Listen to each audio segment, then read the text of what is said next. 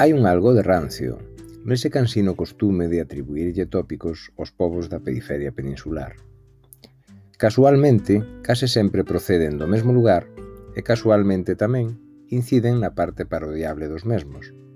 Feito este que propicia a creación dunha división ficticia entre o rexio e o bufonesco a través de fábulas, contos e anécdotas.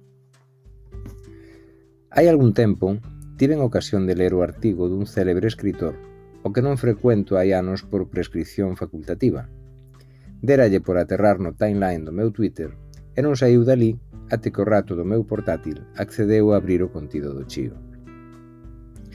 O caso é que caín na provocación de ler aquel artigo que chegaba rodeado por unha aura de controversia, que é a estrategia escollida polo autor, e puiden asistir ao relato dunha anécdota ocorrida na capital do antigo reino que afondaban o tópico galego por excelencia, aquel que fala de nós como un pobo que nunca sabe se sobe ou baixa e que adoita respostar ás preguntas con novas interrogantes.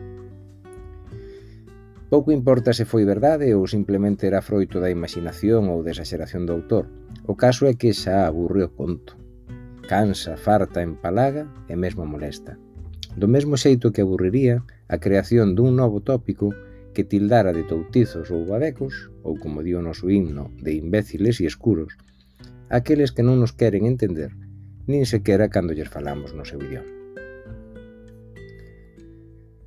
Non vou tentar explicar que o xeito máis doado de sabermos se un galego ou unha galega sobe ou baixa na escaleira é mirarlle para onde ten o cu e para onde ten a cara, o que axudará a calquera persoa, por máis pánfila que sexa, a interpretar o sentido, que non a dirección, e xa moito máis obvia, que leva o individuo en cuestión.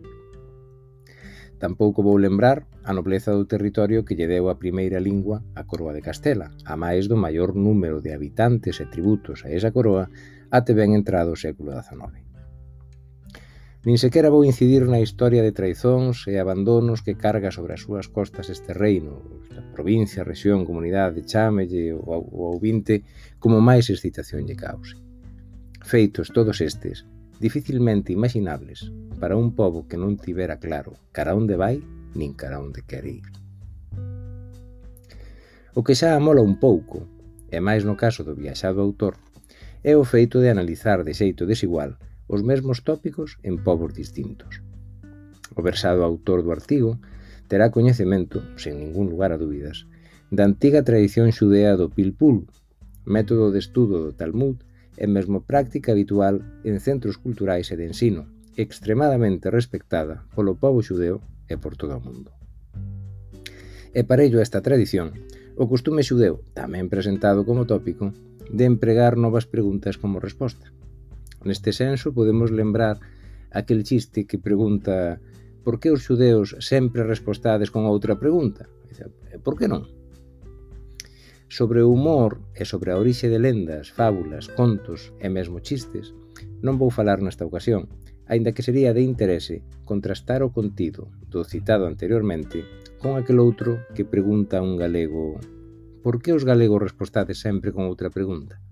Quen? Eu, eu, eu. Estes chistes eh, falan de costumes semellantes. Mesmo poderíamos colixirse en dificultade que se trata case do mesmo chiste, aínda que un deles estea adobiado con un toque de orgullo e o outro con un chisco de vergoña. Sobre o común destas tradicións, tal vez poderíamos procurar nun pasado máis parello do que pensamos entre culturas imbricadas ao longo de varios séculos. O que xa non é tan semellante é a percepción nin a explicación do costume en cuestión. Procurando ao respecto, aínda non fun quen de atopar referencias sobre a dificultade de saber se un xudeo sobe ou baixa na escaleira. Que a tradición xudea é máis de preguntas que de respostas ou que o objetivo é chegar ao núcleo da verdade, son frases que facilmente imos atopar cabo de calquera parodia ou anécdota sobre este costume compartido que ás veces saca de quicio ao noso interlocutor. Mesmo no apartado máis crítico, podemos atopar o Israel Shamir desenvolvendo un interesante traballo arredor do síndrome de Amán sobre as minorías electas relacionado con este costume de respostar con preguntas.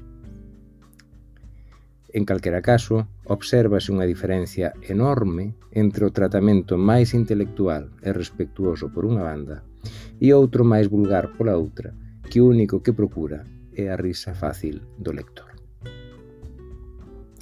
Non quixera pensar que o académico, autor do artigo que nos ocupa, é porque en sinto grande respecto intelectual, resposte ao perfil daquelas persoas que lle dan unha importancia superlativa á propia lingua ou cultura, pero non lle conceden o mesmo respecto a calquera outra lingua ou cultura que non sexa a propia, o que me parecería, cando menos, contradictorio es decepcionante.